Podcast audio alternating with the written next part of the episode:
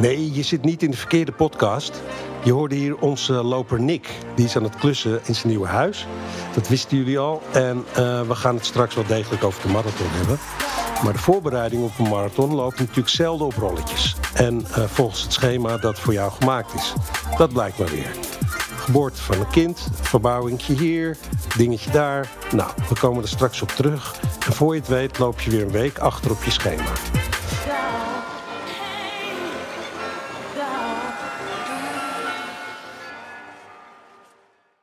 En nou Nick, je bent uh, uit uh, het verre oosten van Nederland hier naartoe gekomen vandaag. Dankjewel daarvoor. Uh, heb je nog een beetje kunnen lopen, is eigenlijk de gouden vraag bij jou natuurlijk. Um, ja, ik heb eindelijk ook een keer in, in Neder mogen, mogen lopen. Dat was echt een prachtige omgeving en totaal andere ervaring dan hier in Amsterdam. Hoe dan? Is het met bossen en heuveltjes? Het is... Nou, niet heel heuvelachtig. Vooral veel vals plat. Dus dat is... Uh, af en toe dan heb je het idee, ik ben niet vooruit te branden. Maar dan kijk je eens naar de horizon en denk je, oh, het gaat toch wel aanzienlijk omhoog. Um, en dan de rest is afwisseling tussen bos en landerijen. Mooi. En heb je nou voordeel van het klussen? Krijg je daar een beetje conditie van? Of ben je doodmoe voordat je je hardloopschoenen aantrekt? Um, nou, een, be een, beetje van beide. Want ik merk wel dat uh, door elke dag gewoon constant uh, fysiek bezig te zijn uh, het toch wel iets doet voor je lichaam. Want ik had uh, al een tijdje niet gelopen en ik ging weer lopen en ik liep uh, met een keurige hartslag gewoon 5,30, 5,34 of zo per kilometer voor 15 kilometer. Dus dat, ja, dat is netjes. was prima. Het is weer net zo regelmatig als het timmeren van, van jou van zo net. Hartstikke goed. het is al half augustus en de trainingsafstanden lopen nou, flink op, hè, tot in de 20 kilometers. En uh, dan moet je onderweg eten. Dat wordt echt heel erg belangrijk. Hoe je eten en rennen prettig combineert, daar hebben we het vandaag uh, uitgebreid over. Er is getest, we hebben dingen uitgeprobeerd. De TCS Amsterdam Marathon wordt georganiseerd door sportorganisatie Le Champion en sportmerk Mitsuno. Dat, is, uh, dat zijn tevens de sponsoren van deze podcast. Nou, bedankt daarvoor. We zijn er heel blij mee. En we gaan beginnen. Ik ben Altan Erdogan. Nou, Nick, nou Julia, we beginnen bij Julia. Hebben jullie nog iets gekocht? Want we hebben het vorige week uh, over gadgets en over spulletjes gehad. Van uh, top tot teen. Je kunt van alles kopen. Julia, heb jij iets erbij gekocht? Nee, ik heb er wel over nagedacht. Ik dacht misschien zo'n, zo'n hoe heet ook weer? Zo'n rugtasje voor water. Oh ja. En toen zag ik mensen ermee lopen, hoe dat bewoog en zo klotste. En toen dacht ik, nee, dat ga ik me alleen maar ergeren. Dus. Een camelback of zo. Hè? Ja, nee, no, dus nog niet. Niks uh, extra's meer. Je dacht, nee. dan voel ik me echt een kameel met twee van die klotsende bulten. ja, en alles wat beweegt of zeg dat fladdert, dat stoor ik me aan. Dus, ja. nee. Nick was al niet heel erg van de techniek en de extra spulletjes. Heb jij iets gedaan? Um, ja, zeker. Jawel. Zeker. Oh. Ik heb dus wel zo'n camelback aangeschaft. Oh, echt? Oh, nou, dat is niet ja. te geloven. En hoe is het? het klotst. ja, zie je. het klotst enorm. Ik heb ook een... Uh, ja, ik, ik heb ook losse bidons erbij, zeg maar. Uh, maar ook dus inderdaad gewoon een 2 liter camelback uh, met drinkslang. Als je, ja, ze zeggen dat als je een goed vacuüm uh, dicht krijgt, dat het dan uh, minder zou moeten klotsen. Maar ik, ik krijg hem gewoon niet, niet, niet eruit. Dus het is, uh, het klotst als een gek. Maar ja, ik moet daar toch bij afstanden boven de 15 kilometer moet ik toch echt gaan drinken. Ja. helemaal met deze temperaturen. En je hebt daar gewoon geen drinkpunten, zoals hier in Amsterdam. Nee. nee. En um, merk je dat het ook wel helpt dat je gewoon af en toe wat water neemt voor um, hoe je het volhoudt? Ja, ik heb, ik, ik heb wel het idee dat, dat op die 15 kilometer die ik gelopen heb, heb ik gewoon telkens een klein beetje water gedronken. Ik had een litertje bij me, ik had nog een half litertje over toen ik terugkwam. Dus ik heb niet heel veel gedronken. Nee. Maar elke keer kleine stukjes. Uh, ja, ik heb wel het idee dat het bijgedragen heeft aan een, aan een steady tempo. Ja, nou, dat klinkt goed. Hoe is het bij jou gegaan, Julia, de afgelopen twee weken? Goed, volgens ja? schema. Ondanks Ja. de warmte ook, gewoon lekker doorgegaan. Ja, ja vroeg, vroeg, wat ik ook het fijnst vind. En toevallig gisteren een keer laat begonnen. Ik dacht, nou, ik moet ook wel een keer testen hoe het is om s'avonds te lopen. Oh ja. Dus om half negen begonnen en het ging eigenlijk best wel, eh, best wel goed. De eerste tien minuten dacht ik echt, waar ben ik aan begonnen? Hardlopen met 30 graden. Maar toen eh, zag ik dat het mannelijk geslacht allemaal zonder shirt loopt met deze temperaturen. En dan, ga jij, er wel doorheen dan, ga jij gewoon helemaal los. Dat is, ik dacht, nou ja, oké, goede motivatie.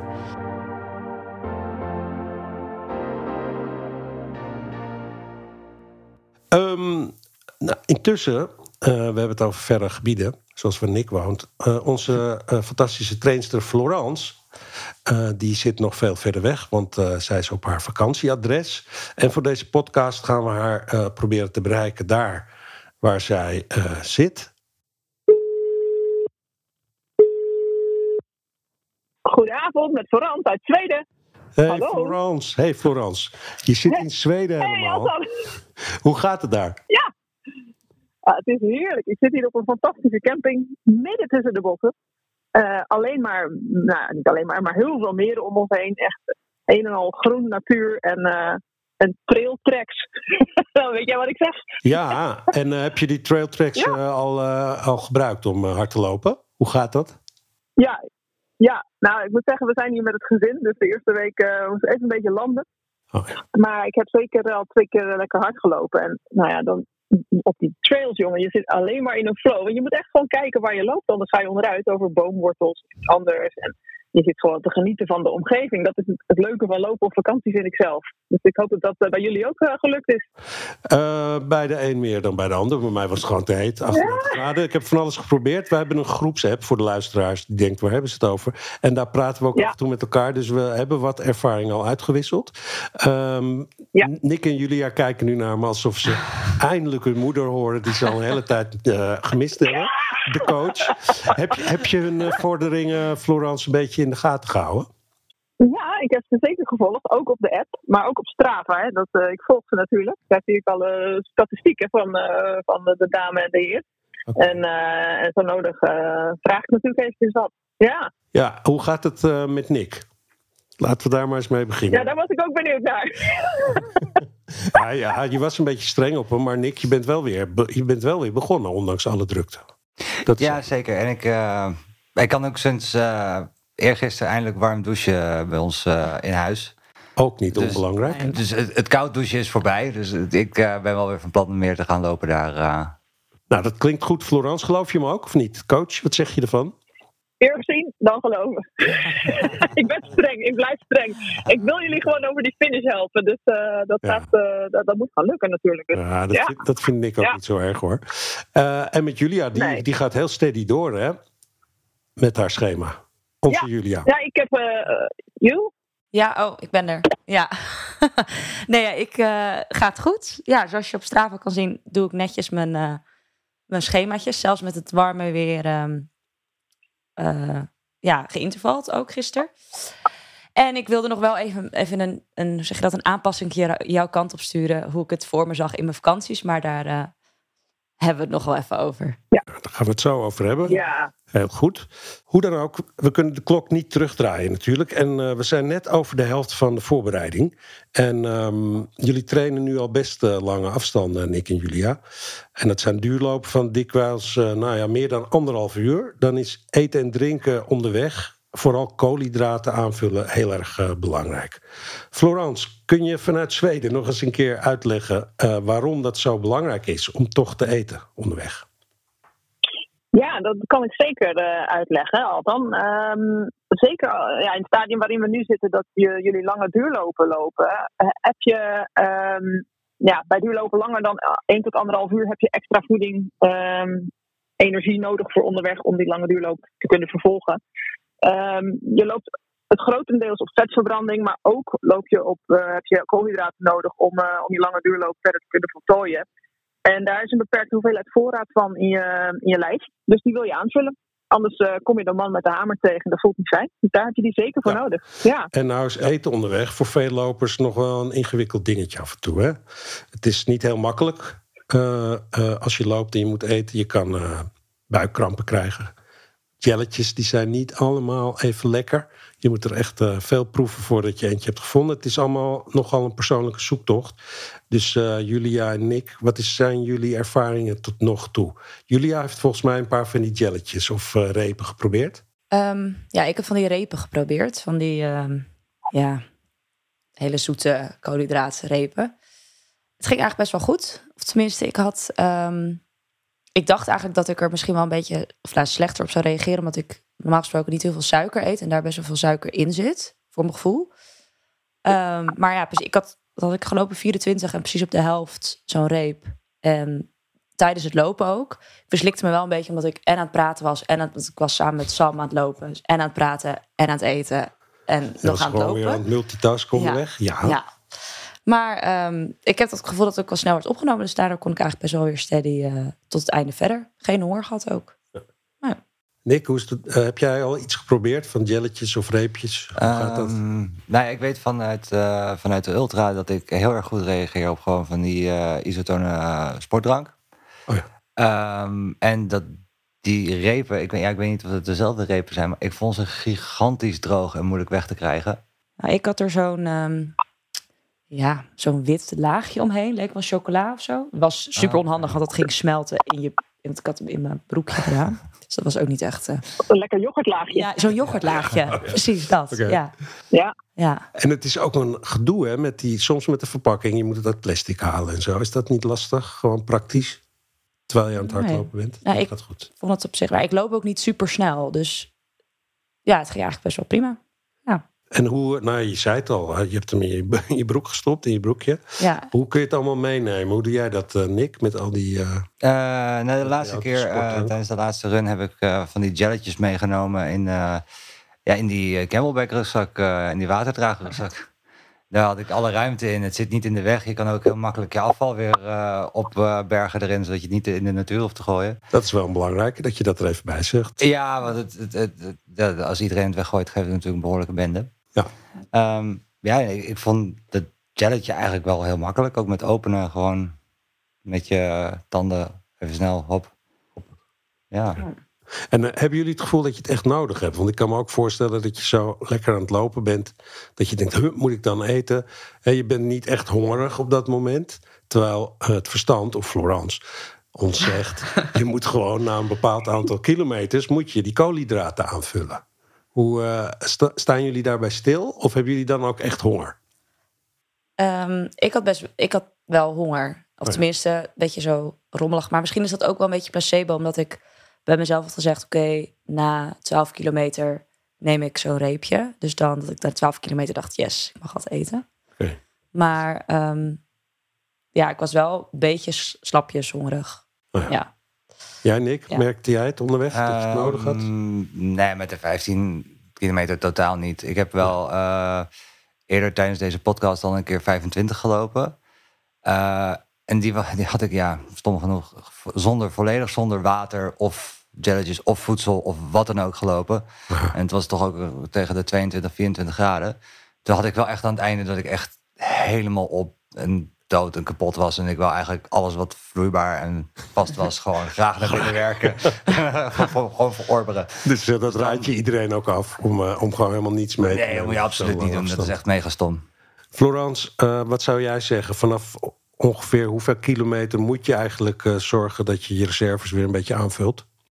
Nou, ik zou zeggen, als je uh, inderdaad in voorbereiding op die marathon uh, dit aan het uitproberen bent, zou ik zeker, zeker wel na anderhalf uur zo'n gelletje nemen. En, en, vooral ook uitproberen welke soorten voeding, of het nou in een gelverpakking zit of dat je een vast reepje wil, lekker uitproberen. Want, maar ook wat jij zegt, Nick, ik doe het nu in mijn, in mijn camelback ga je straks ook met een camelback lopen. Anders moet je gewoon even proberen om met een, met een short te lopen waarin je, heb je altijd van die handige zakjes of een belt waarin je die jelletjes kan wegstoppen, zodat je dat ook straks tijdens die marathon ook op diezelfde manier al een keer hebt getest. Want dan ga je niet even je rugzakje afdoen, waarschijnlijk. Eh, ritje open, papiertje weer terug erin en, uh, en doorrennen. Tenzij je het wel zo wil doen. Maar probeer dat vooral uit. Ja, ik, ik weet nog niet of ik met, een, met de camelback ga lopen of niet. Ik weet ook niet of het toegestaan is uh, tijdens de Amsterdam Marathon. Ja hoor. Het is niet, tijdens, niet tijdens iedere marathon is een camelback toegestaan namelijk. Oh, ja, in Amsterdam kan het gewoon. Okay. Naar ons weten, tot Florence. En Florence, jij zegt dus, in, in de voorbereiding moet je zoveel mogelijk thuis al proberen dingen uh, te oefenen. Gewoon uit te proberen, zodat als je onderweg bent, dat je zeker bent van wat je doet en waarom je het op die manier doet. Misschien nog heel e-, even kort. Ik heb nou natuurlijk in het begin even heel kort uitgelegd waarom je voeding nodig hebt. Mhm. Ehm, in dit stadium is het vooral ook belangrijk om te, te, te kijken welke jelletjes of voeding goed landen. Ehm, maar in principe doen jullie nog steeds duurlopen op een duurloop tempo 1 of 2. Mhm. waar je meer vetverbranding hebt dan suikerverbranding. Dus prop jezelf tijdens deze duurlopen niet helemaal vol met, met jelletjes. Want je wil juist je lichaam leren trainen om efficiënter met energie om te gaan. En, en alleen als het gelletje echt nodig is, ga je hem tijdens de duurlopen nemen. Ja. Maar tijdens de wedstrijd is dat anders. Dan eh, krijg je een, een raceplan mee. Wanneer je die jelletjes gaat uh, toedienen. Dus je hoeft echt niet nu al elke 7 kilometer een jelletje. Uh, maar het is vooral om uit te proberen hoe het landt. Ehm, en te merken wat, wat, het verschil, wat het verschil voor jezelf is in energie daarna. Ja, nou, dat, er zijn natuurlijk allerlei cijfers over, hè, na de 15 kilometer, om de 5 kilometer of zo. Maar daar komen we nog op terug. En daar krijgen Nick en jullie mhm. ook uh, nog uitleg uh, over. Dan uh, toch nog even drinken. Um, in onze app hebben we het er ook heel even kort over gehad, onderling. Namelijk, hoe pak je een bekertje water op ja. Uh, als je aan het hardlopen bent. Dat is best nog wel een uh, uitdaging. Dat zou jij nog voordoen. En uh, ik ga het hier van straks in Oud-West, waar we dit opnemen, nog even op straat voordoen. dat is best wel ingewikkeld, want je verliest natuurlijk al de helft als je het bekertje verkeerd aanpakt. En als je dan ook nog wil rennen en drinken, dan verlies je de rest ook nog. Dat is ook wel belangrijk, hè, dat je dat aanpakt, Florence. Dat water of die sportdrank onderweg. Ja, ja, dat, dat krijg je inderdaad vaak in die kartonnen bekertjes. Soms zit er een soort van, ik noem het een soort sponsje of zo bovenop. Mhm. Ehm, ik weet even niet uit mijn hoofd hoe, dat bij de Amsterdam Marathon zit, met een soort drinktuutje erin. En zo niet, ja, dan, dan zou ik inderdaad uh, een, YouTube-filmpje vervolgen die we hebben gedeeld op de, op de app. Om dat bekertje samen te knijpen en zo, zo zelf een tuutje te vormen. Ja. Maar drinken is zeker belangrijk. Ja. Ja. Hoe doen jullie dat nu nog? Nou, jij, jij hebt nu je camelback. Je kijkt nog even, Nick, of je die meeneemt. En jij, Julia, heb je iets bij je? Of hoe doe je dat nu? Um, nou, in Amsterdam loop, stippel ik mijn route zo uit... dat ik langs die waterpunten in de parken kom. Oh ja. En dit weekend loop ik um, in Barneveld. Dus ik heb mijn vader gestrikt om uh, elke vijf of zeven kilometer... even met uh, water te staan. Dan gaat hij mee fietsen en dan... Uh, Oh, wat zul je hem dan missen in Amsterdam? Daar heb je volgens mij om de vijf kilometer ongeveer wel drankposten. Dus dat komt dan goed. Ook zonder je vader. Heel goed.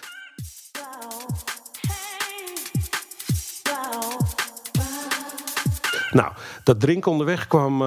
Uh, we komen op de vraag van de luisteraar namelijk. Er kwam een hele leuke vraag van de luisteraar over, bin, over binnen. En um, Wendy is degene die daar een vraag over stelde. Hoi, ik ben Wendy.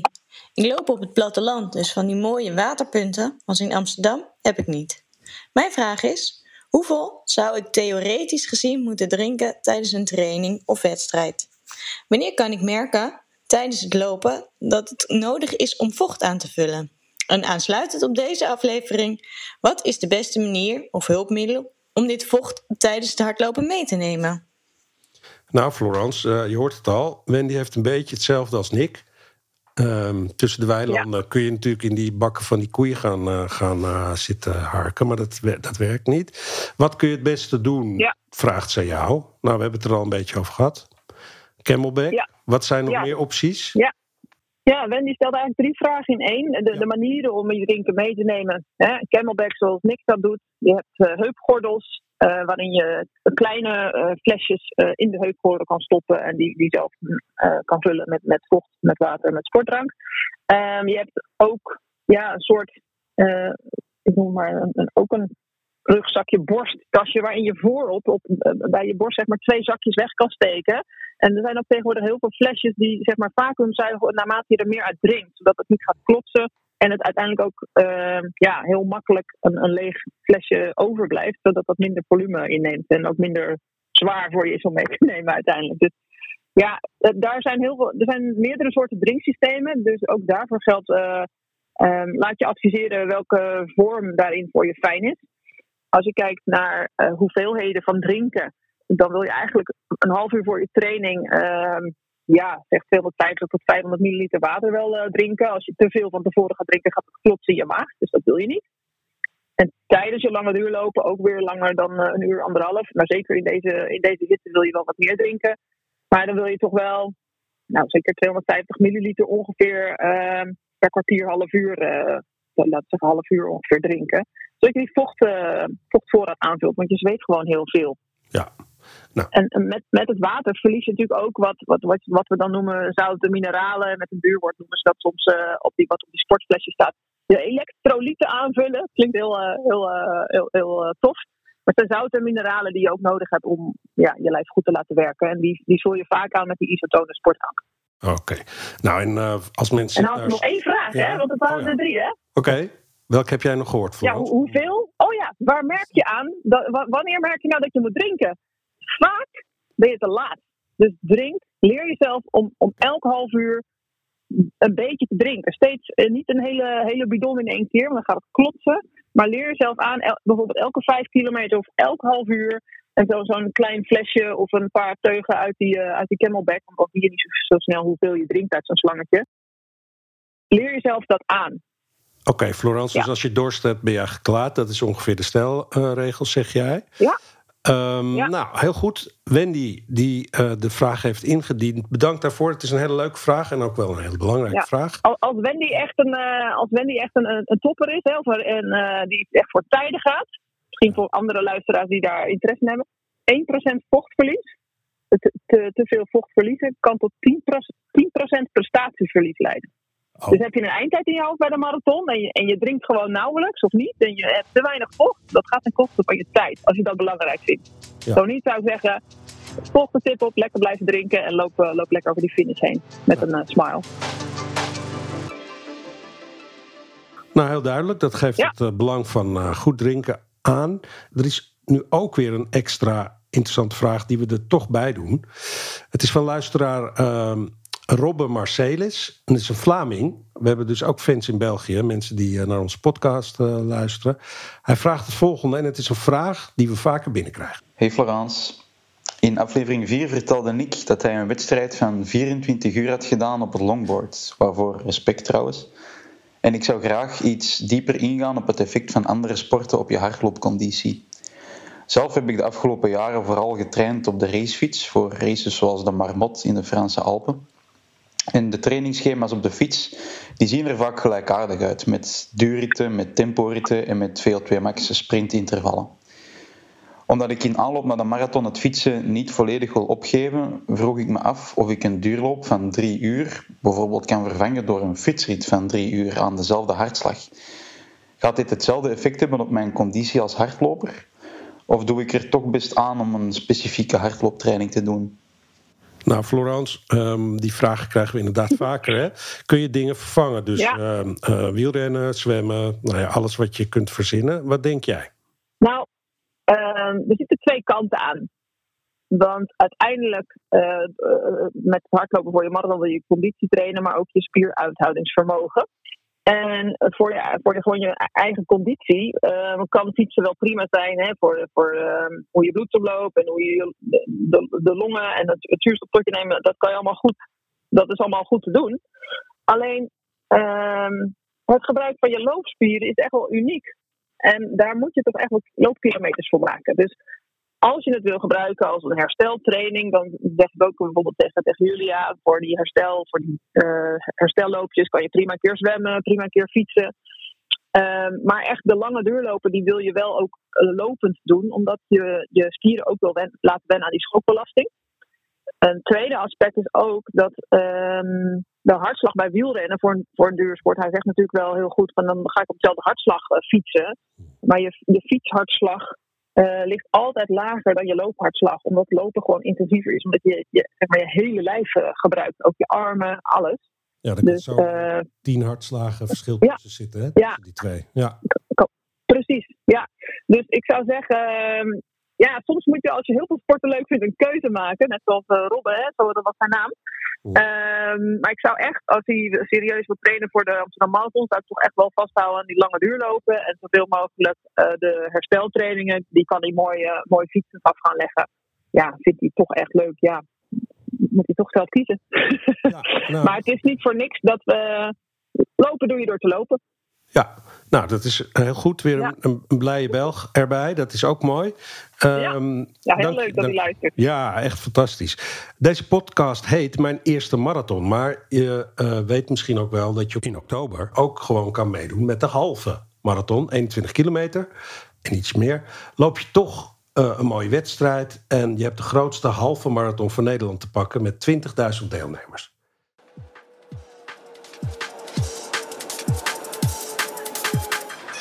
Dan verwelkomen we hier nu Hidde Veninga, marketingmanager bij Mitsuno. En uh, hij heeft iets speciaals meegenomen en iets speciaals voor ons te vertellen. Hidde, welkom. Dankjewel. Wat is het speciale dat je voor ons hebt meegenomen? De Amsterdam Marathon schoen van dit jaar. Wow, vertel. Ja, we maken eigenlijk elk jaar een speciale Amsterdam Marathon schoen. Uh, dit doen we nu denk ik zeven jaar. Uh, waarom? Om het evenement uh, wat extra body te geven en, uh, en de deelnemers ook iets te geven om mee naar huis te nemen, zeg maar. Ja, de Amsterdam Marathon is natuurlijk een extreem internationale marathon. En um, die mensen die daar aan meelopen, die nemen ook vaak een souvenir mee terug naar huis. Dus uh, dat is voor ons heel interessant. Ik kan me herinneren, want ik heb wel eens aan de halve meegedaan. Ik doe nu voor de eerste keer die hele mee. Dat er ook echt thema's zitten in die schoenen. Hè? Ik kan me iets Japans herinneren, omdat dat toen een thema was. Bijvoorbeeld uh, in het design. Ja. Wat, wat zitten er nog meer voor uh, um, dingen tussen? Ja, wat we altijd doen is, we kijken echt naar de stad Amsterdam. En we kijken dan enerzijds, doen we dat met een derde partij. Dus bijvoorbeeld Rijksmuseum zoals de afgelopen jaren. Met ja. die schoenen die gebaseerd zijn op de Japanse kraanvogels of op Rembrandt. Is het nog een beetje geheim uh, hoe die er dan uiteindelijk uitziet? Tot, zeker tot wanneer weten, is dat zo? Zeker weten. Ja, we verwachten dat hij ongeveer begin oktober uitkomt. Dus we moeten nog heel even wachten. Maar, uh, en tot die tijd houden jullie het allemaal geheim? Ja, zeker. Ja. Niemand mag uh, met tekeningen naar buiten in het pand en zo? Nee, nee niks, absoluut niks, niet. Nee, nee. Komt hij dan ook in de winkels of kan je hem echt alleen kopen tijdens de marathon? Nee, hij komt zeker ook in de winkels. Dus uh, ja, het is gewoon een special die we naast onze reguliere collectie uitbrengen. Is weliswaar in kleinere aantallen, dus exclusiever. Ligt ook meer bij speciaalzaken dan bij de grote, grote ja. ketens. En wat wel grappig is om te vertellen, is dat er bijvoorbeeld ook steden in Nederland zijn die de schoen niet willen verkopen, omdat er Amsterdam op staat. Oh, nou, je kan je voorstellen welke stad het is. je moet wel een beetje kiezen, hè? Precies. En um, uh, ik, ik meen me te herinneren dat je ze ook de dag voor de marathon nog kan kopen. Maar dan zou ik het niet doen als je ze nog niet hebt ingelopen, toch? Nee, dat zou ik ook niet aanraden. Nee, nee dat is ook wat ik zei. Dat het vaak als souvenir van de marathon dan nog wel meegenomen wordt, of het verhaal ervan. Want er rent dan niemand op die schoenen, denk ik, Nou, als dat je is- zo kort van tevoren. Ja, als je- nou ja, dat is dus wel zo. Oh, maar pittig. ja, dat vind ik altijd ook. Ik bedoel, Ja. ik zou het nooit, niet aanraden om, eh, om een volledige marathon op één nieuw paar schoenen te gaan lopen. Maar ja, er zijn mensen bij die dat wel echt doen. Nou, en eh, gelukkig kun je eh, bij uitzondering deze schoen ook winnen dit jaar. En eh, wat je daarvoor eh, moet doen is dit. Je kunt je abonneren op deze podcast. Geef een mooie beoordeling. Of schrijf een leuke recensie. Je kan het hele jaar meedoen, maar we maken de winnaar pas begin september bekend. Dus laat het ons voor 1 september weten. Dat kan met een mail naar redactie nextepisode.audio redactie at nextepisode.audio. Dus een recensie of een beoordeling. En onder alle deelnemers die meedoen, kiezen we één winnaar willekeurig uit. Nu die toch zit, ehm Mizuno sponsort ook onze podcast. Hè. Dat, dat is heel fijn en belangrijk, want dan kunnen we het eh, maken. Ehm, andersom heeft Mizuno daar natuurlijk denk ik ook iets aan. Wat levert zo'n podcast voor jullie eh, op? Ja, allereerst kwam, kwam dit op ons pad eh, als een nieuw initiatief. En zijn wij als merk natuurlijk altijd op zoek naar initiatieven die nog niet zo traditioneel zijn. Want ja, je hebt je standaard advertenties of alle campagnes die lopen. Ja. Maar met een podcast, ik ben, ik ben zelf ook een fan van podcasts. Dus ik luister het informatief ook heel erg, haal daar heel veel uit. Dus eh, echt de reden voor ons ook om mee te doen om de loper echt verder te helpen. En helemaal in het beginstadium van mijn eerste marathon.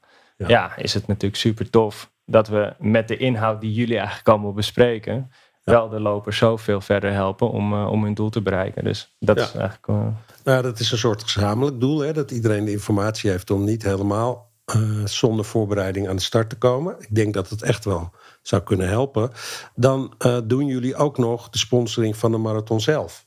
Ja. En dat eigenlijk al best lang. Waarom doen jullie, eh, waarom doet Mitsuno dat? Ja, we zijn eigenlijk heel vroeg ingestapt met elkaar. En gedurende die 23 jaar, die ik niet helemaal heb meegemaakt, maar eh, ja, zijn we gewoon heel erg met elkaar gegroeid. Eh, zoals veel mensen waarschijnlijk wel weten, is dat de marathon ook een hele grote expo heeft. Nou, dat begon eerst met twee marktkramen en nu staan er drie hallen in de sporthallen Zuid vol. Ja. Dus in zoverre ja, is dat gewoon, zijn we zo met elkaar meegegroeid. En is dat ook altijd ons belangrijkste evenement geweest, omdat er zoveel internationale uh, mensen naar het evenement toe komen. Dus het is voor ons ook echt het grootste event wat we op global niveau sponsoren. Ja. Nou ja, wij zijn Japans, veel Japanners over. En nou ja, zo wordt het in alle continenten eigenlijk goed gedragen die we ook hierheen brengen. Ja. Florence, uh, heb jij al mensen in Zweden gezien die zeggen: ja, Amsterdam doe ik ook? Nee, ja, het, het is echt uniek hier. Ik loop hier mijn rondje hard en ik kom gewoon niemand tegen. Dat heb ik nog nooit meegemaakt. Ik kom gewoon niemand tegen. Het is zo, ja, het is gewoon dun bevolkt hier. En ja, ik loop echt te genieten. Maar ik heb wel gegoogeld natuurlijk of, of er in de buurt iets was. En aankomend weekend is er een, uh, een halve marathon in uh, Göteborg. Oké. Hey, we, hebben maar daar ga ik niet aan meedoen. Nee, nee, begrijp ik. We hebben Hidden natuurlijk hier nog even zitten. Heb je ook nog een tip, Hidden, voor de mensen die luisteren? Als je nou één tip voor die, voor die marathon of de, of de halve, dat kan ook, zou hebben, wat zou jouw belangrijkste tip zijn? Nou, mijn tip zou zijn, is vooral echt te genieten van, uh, van alles wat daar op je afkomt. Uh, ik heb de route zelf nooit gelopen, maar ik weet wel hoe het is voor de mensen hoe, om het stadion in te komen. En dat, daar krijg ik al kippenvel van. Dus laat staan de mensen die daar een doel bereiken. Dat is wel echt, eh, echt heel tof. Er schijnt echt veel emotie bij te komen, hè? toch? Als je de finish haalt. Ja, niet alleen bij de, bij de renners, denk ik. Nee. Ook daarmee. Nou, dankjewel voor je komst. En uh, we zijn heel benieuwd wie er vandoor gaan met die mooie special edition schoenen. En dat horen we over twee weken. Dankjewel, Hidde.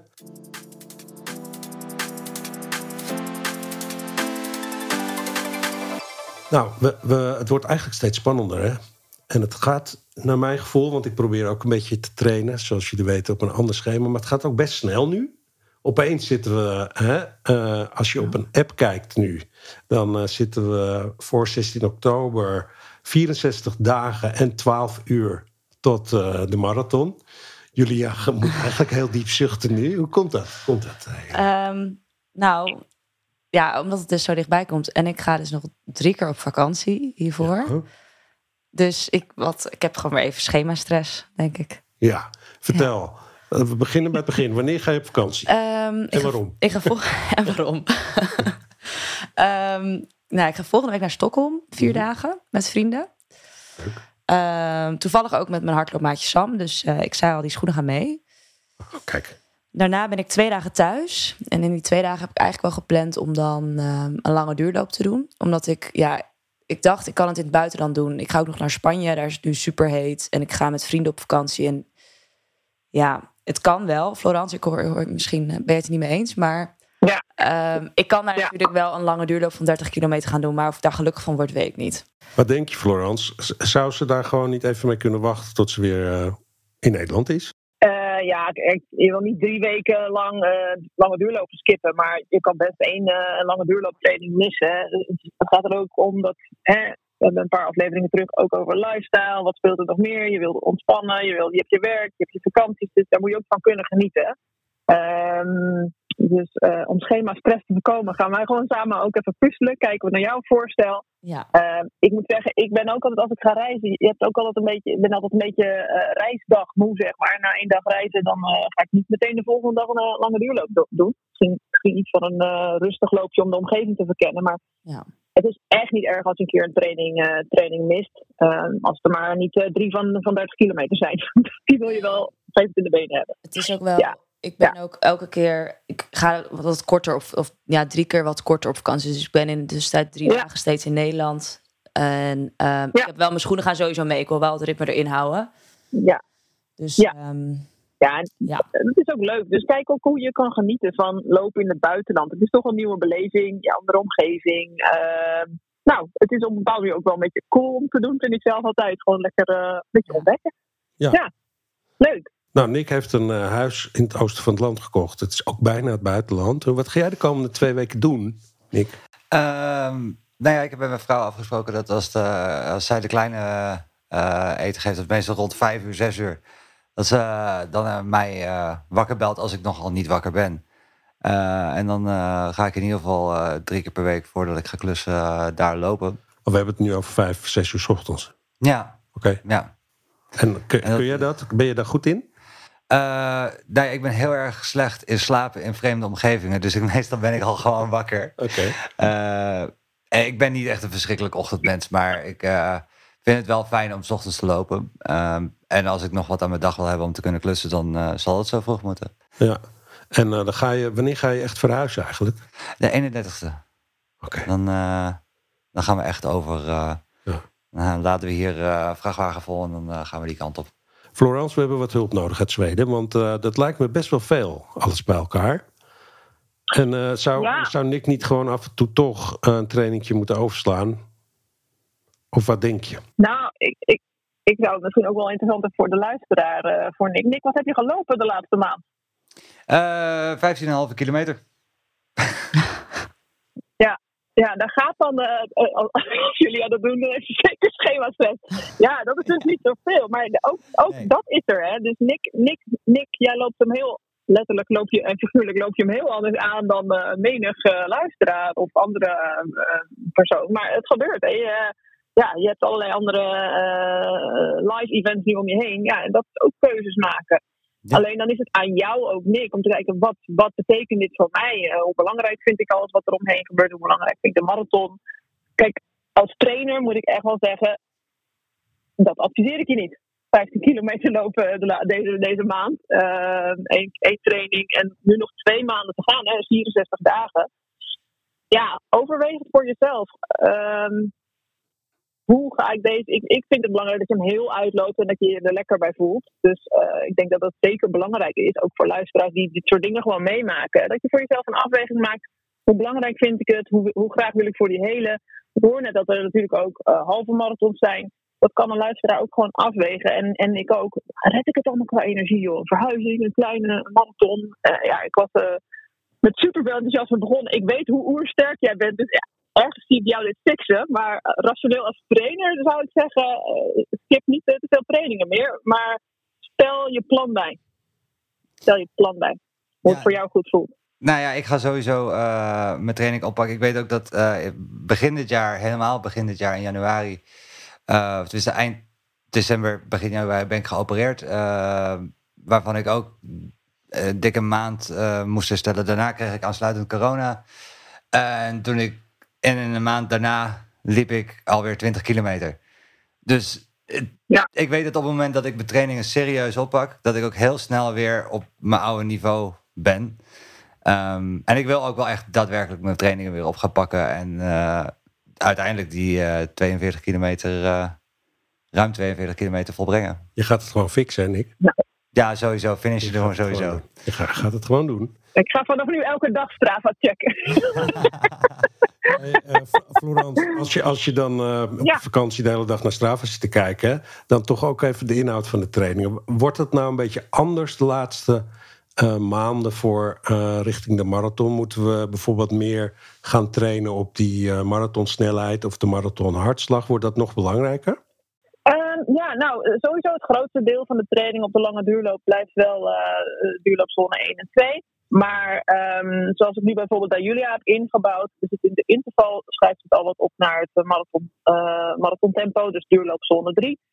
En in de lange duurlopen, dat, staat alleen nu nog de afstand in haar schema, maar daarin gaan we ook een, uh, zeg maar een opbouwloop doen. Dus bijvoorbeeld het eerste half uur duurloop tempo 1, het tweede half uur duurloop tempo 2, dan nog een kwartiertje duurloop tempo 3. En dan bouw je dat bijvoorbeeld weer af, zodat je een, een trappetje kan maken. En uiteindelijk ook een gevoel gaat krijgen wat lopen op duurloop tempo 3 is. Het tempo wat je straks op de marathon gaat lopen.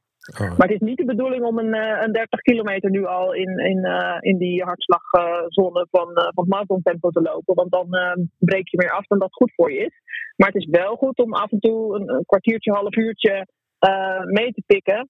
En dat doen we in deze, in deze vorm, in de interval en stukjes in de, in de lange duur lopen. En dan wordt uiteindelijk je basissnelheid ook beter. Dat is het idee. Ja, ja, en je went je lijf aan aan dat tempo te lopen. En ergens is, vond ik het zelf, ik heb het ook vaker gedaan. Ik vond het altijd wel leuk. Dan heb je eventjes even een korte shift, zeg maar. Van hé, hey, nu, nu mag het iets sneller.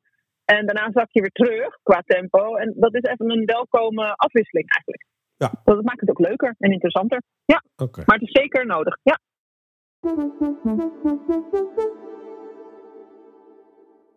Nou, over leuk en interessant gesproken. Er is natuurlijk ook nog een mentaal aspect voor die laatste maanden. Uh, het kan zijn dat je er gewoon even genoeg uh, van krijgt. Ik hoorde uh, Julia eerder zeggen dat ze de eerste tien minuten gisteren dacht, dat ben ik in godsnaam aan het doen. Dus de motivatie kan nu ook echt een rol gaan spelen. Ja, ja dat merk je zeker ook. Uh, vakantieperiodes, mensen zijn soms even toe aan, aan het ontspanning. Moet ik dan ook die schoenen nog mee of moet ik dan ook nog lopen? Uh, of juist weer als ze terugkomen van vakantie, weer het werkende ritme beginnen. En gewoon een beetje moe zijn van de, van de duurlopen. Maar echt, soms wegen de laatste loodjes het zwaarst. Maar de laatste twee weken, nou we houden meestal twee tot drie weken, maar in ieder geval de laatste twee weken, die ga je afbouwen in je schema. En dan voel je die laatste twee weken dat je gewoon super fit wordt. En dan, dan wil je eigenlijk gewoon meer rennen, maar dat mag dan even nog niet van het schema. Dus, dus zeker deze weken tot, tot die laatste twee weken ervoor, die, die kunnen nog wel even, even pittig voelen. Ja. Maar ja, dat is het, uh, het werk wat nodig is om straks uh, goed over die finish te gaan. Ja, nou, over die laatste. En hou je dan ook vast aan je qua motivatie aan. Ik zeg altijd, je hebt een lange termijn doel, op 16 oktober. Breek hem ook op naar een soort middellange termijn doel. Wat doe ik deze maand? Maar zeker ook, wat, wat doe ik morgen? Wat doe ik deze week? Dan bouw je hem op in stukjes. En dan kijk je niet acht weken vooruit. Maar je kijkt eerst, wat doe ik morgen? Wat doe ik deze week? Hoe, hoe, hoe voelt het voor mij deze week fijn? En waar doe ik het ook weer voor? Dat je daar contact mee houdt voor jezelf. Ja, dan hou je het een beetje overzichtelijk. Ja. Dan hou je het een beetje bij het nu en het heden. Dat is goed. Ja. Nou, uh, Julia en Nick, heel veel succes de komende weken met alle dingen die nog uh, komen. Leuke dingen, zware dingen eventueel. En uh, Florence, heel veel plezier in Zweden daar. En, um, Gaat lukken. We houden natuurlijk contact via uh, alle moderne middelen, zoals de WhatsApp en alle andere ja. zaken. En uh, we zien elkaar ja. weer over twee weken, want dan komen we aan bij aflevering 8, waarin we het gaan uh, hebben over het thuisfront. Natuurlijk niet onbelangrijk, we hebben het over motivatie en alle dingen die een rol spelen. Nou, dat geldt soms ook voor vrienden of voor mensen thuis. een jonge baby bij Nick en dan ook nog verhuizen over twee weken. Wat vindt de vrouw van Nick? hier nu van. En uh, hij heeft net een afspraak gemaakt met haar, hebben we gehoord, over dat hij heel vroeg opstaat. Ja. Zo zijn er nog uh, veel meer ideeën over hoe dat uh, thuis allemaal uitpakt. de huisgenoten van Julia, vinden die het nu nog wel leuk? En alle mensen waarmee ze de feestjes en misschien de festivals bezoekt, denken die ook van, hé, hey, doe eens een keer normaal. We gaan het allemaal horen. En um, we vragen ons natuurlijk ook af of trainen voor een marathon wel gezond is of niet. Vooral ook uh, de vraag komt aan de orde of je blessures kan voorkomen. Want uh, dat is natuurlijk eigenlijk het allerbelangrijkste. Als je nu maanden bezig bent en je kunt straks uh, niet de marathon lopen omdat je hamstring of een ander deel van je lichaam het niet doet. Dat zou heel jammer zijn. We gaan daarover praten met sportfysiotherapeut en triatleet Remco Laroy.